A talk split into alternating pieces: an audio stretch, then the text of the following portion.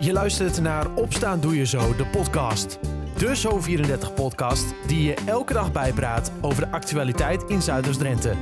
In een klein kwartier ben jij weer helemaal op de hoogte. Aflevering 348 van Opstaan Doe Je Zo, de podcast op woensdag 15 februari 2023. In het Zuiders-Drentse nieuws lees je vandaag over een strafeis tegen een 53-jarige man uit Emmen. Voor het veroorzaken van een ernstig ongeluk op de N381 bij Westerbork is tegen hem een taakstraf van 100 uur geëist. En daarnaast wil justitie dat de man een half jaar niet meer de weg op mag. Meer hierover en ander nieuws verderop in de podcast. En ook hoor je dan over een onderzoek naar ongelukken op de N34 en de verschillen tussen de, het verdubbelde en het enkele deel daarin. Het zonnetje schijnt ook vandaag nog, al zal deze vanmiddag wel meer achter de wolken verdwijnen. Blijft droog en het wordt een graad of 11. Vandaag is de landelijke actiedag voor Giro 555. Voor steun aan de slachtoffers van de aardbevingen in Turkije en Syrië.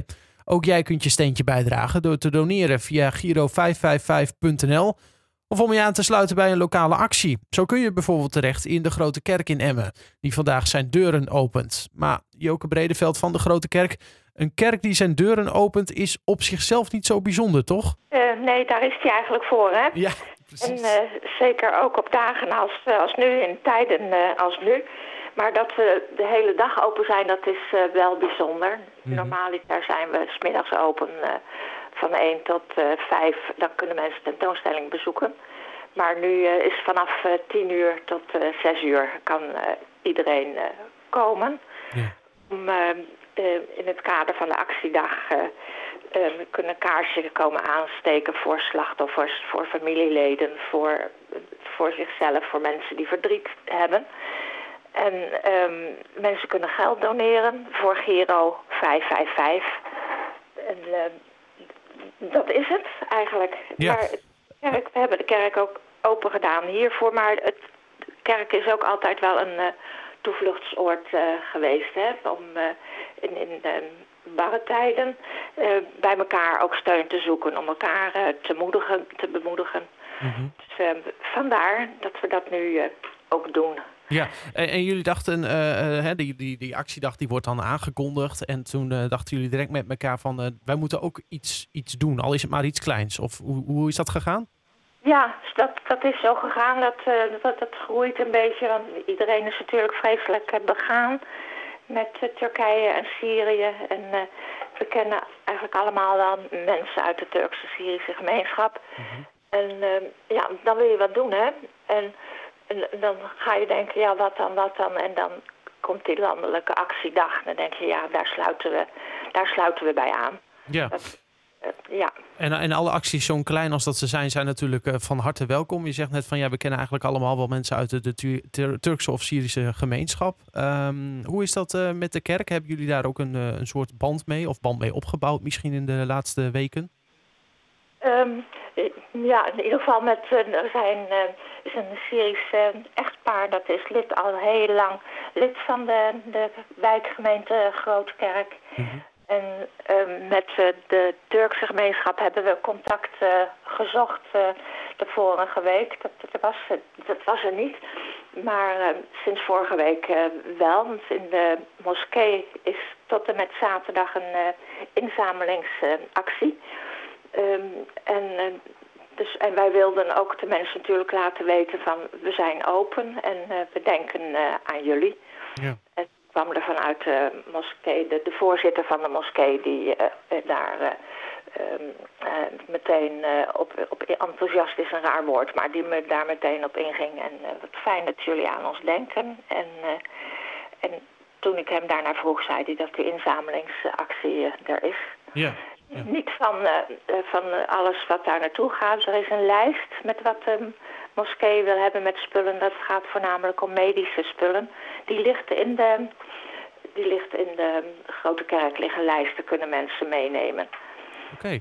Dus dit, dat is uh, ook handig voor uh, vandaag om even binnen te wandelen en zo'n lijst even mee te nemen. Om te kijken van wat heb ik hiervan misschien nog thuis om ook eventueel te helpen. Ja, en Ja. dat kan dan tot en met zaterdag uh, kan dat gebracht worden.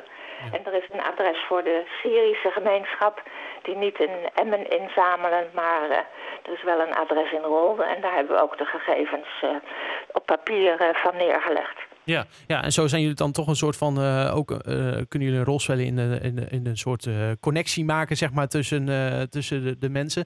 Um, je zei het al, we hebben wel contact gehad. verwachten jullie ook, nou ja, dan mensen uit die gemeenschappen die vandaag nou ja, naar de kerk komen om inderdaad steun bij elkaar ook te zoeken? Want dat is wat je net ook al zei, hè? steun bij elkaar zoeken gebeurt vaak ook wel in een kerk. Ja, ja, ja dat, dat, verwacht ik, dat verwacht ik zeker wel. Er is... Um, daar, daar is die voor. Hè? En het is, uh, het is wel bekend dat het vandaag open is. En de mensen zien het ook wel als ze uh, in Emmen zijn. Dus uh, ja, zeker, wij verwachten wel veel, veel mensen vandaag. Ja, precies. de deuren van de kerk zijn dus geopend. Nog één keer, je zei van 10 tot 6, hè? Van 10 tot 6, ja. ja.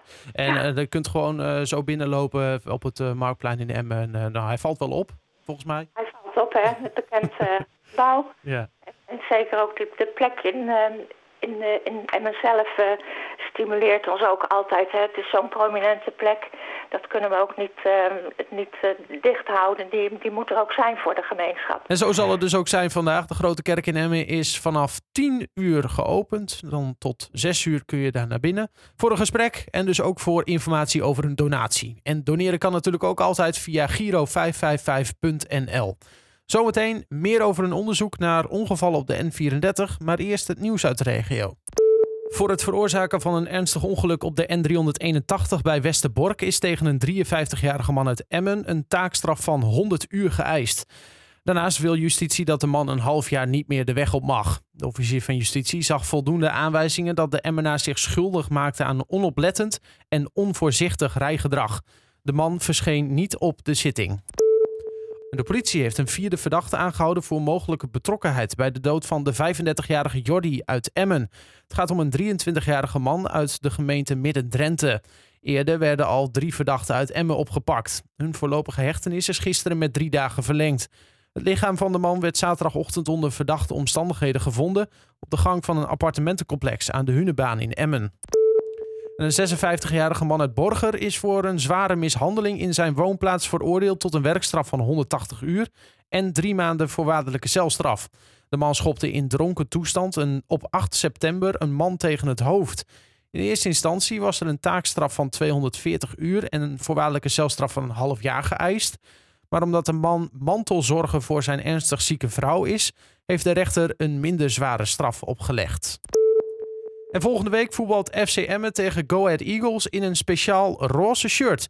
Het shirt is in het leven geroepen om aandacht te vragen tegen teelbalkanker. De actie is opgezet in samenwerking met hoofdsponsor Easy Toys. FCM en Easy Toys willen met de actie mannen aansporen zichzelf regelmatig te controleren op teelbalkanker. Die vorm van kanker komt het vaakst voor bij jonge mannen tussen de 15 en de 40 jaar. Nou, tot zover het nieuws uit Zuidoost-Drenthe. Voor dit en meer kijk je ook op onze website zo34.nl of in onze app. En daar vind je ook waar in Zuidoost-Drenthe acties opgezet zijn voor Giro 555 vandaag.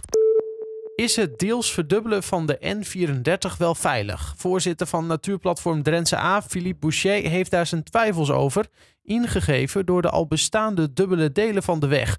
En hij legt dat uit in gesprek met verslaggever Serge Vinkenvleugel. Delen van de N34 die vier baans zijn gemaakt. En delen van de N34, met name het stuk in Overijssel, die gewoon twee baans uh, zijn gebleven. En wel geherstructureerd en veiliger gemaakt. Mm -hmm. uh, en daar zijn de ongelukken, zeg maar, uh, een derde van het, het stuk van de N34, zeg maar, in het Drentse deel. Dus het Overijsselse deel is het aantal ongelukken sterk afgenomen. In, en... in een tweebaans met een totaal inhaalverbod. En zijn dan die ongelukken in Overijssel anders? Nou ja, dat is een van de problemen zeg maar, die sowieso aan dit hele onderzoek ten grondslag liggen. Dat er uh, zeg maar, nooit onderzoek is gedaan wat de oorzaken zijn van de ongelukken. En als je de oorzaken van de ongelukken niet weet, dan is het eigenlijk ook moeilijk om te zeggen van wat is dan, uh, zeg maar, welke, met welke verbeteringen kunnen we die ongelukken uh, tegengaan. Want er zijn natuurlijk een heleboel oorzaken, bijvoorbeeld gladheid, mist, overstekend wild. Uh, waarbij het niet uitmaakt of je er een vierbaansweg of een tweebaansweg van maakt. Op het vierbaansgedeelte zijn meer ongelukken dan op het enkelbaansgedeelte van de 34. Ja. En jullie hebben twee volledig identieke, zeg maar, behalve dan het verschillende rijbanen, stukken weg met elkaar bekeken. Ook qua aantallen auto's en vrachtwagens? Nou ja, qua wat betreft verkeersdichtheid uh, ontlopen ze elkaar niet veel. Wat de lengte betreft zijn die stukken zeg maar, uh, ook gelijk gehouden. En dan zie je dus dat er, een, dat er zeg maar, een derde van het aantal ongelukken op het tweebaansdeel zit. Uh, en het vierbaansdeel heeft gewoon drie keer zoveel ongelukken. Nou heeft u geen onderzoek gedaan naar de oorzaak van de ongelukken, maar heeft u een idee waarom op het verdubbelde deel van de 34 meer ongelukken gebeuren dan op het niet verdubbelde deel? Nou, ik denk dat een van de, een van de belangrijke factoren die uh, naar voren komt uh, sinds zeg maar op de autosnelwegen uh, de snelheid van 130 naar 100 is teruggehaald, zie je dat op de plekken waar een weefvak is, bijvoorbeeld bij de punt, iets ten zuiden van de punt, dat daar het aantal ongelukken sterk is afgenomen. En dat heeft er alles mee te maken dat bij een hogere snelheid moet je als bestuurder ook een, een beter reactievermogen hebben. Dus het, is allemaal, uh, het gaat allemaal veel sneller. Dus als je even een kleine inschattingsfout maakt, dan heb je sneller dat je tegen een ander aanzit of dat je tegen de, tegen de vangrail aanzit. En ik denk dat dat ook een factor is die uh, meespeelt. En, uh, nou ja, en voor wat betreft het stuk van de N34 die tweebaans is gemaakt in Overijssel, er is gewoon een totaal inhaalverbod. Dus ja, je zit achter een andere auto en je, moet er, je mag er niet voorbij. Hmm. En maar die dat... stukken hebben we in Drenthe ook op de 34. En daar houdt ook niet echt iedereen zich aan. Nee, daar kun je dus wel inhalen. Daar kun je dus ris riskante inhaalmanoeuvres maken. En uh, dat gebeurt hier op dit stuk N34 wat hier uh, achter ons loopt, gebeurt dat nog steeds. Dat mensen gewoon denken, nou ik kan er wel langs, hup, daar gaat hij. Aldus Philippe Boucher van Natuurplatform Drentse A in gesprek met verslaggever Sesje Vinkenvleugel. Tot zover de podcast van woensdag 15 februari. Morgen weer een nieuwe aflevering. Graag tot dan en voor nu een fijne dag.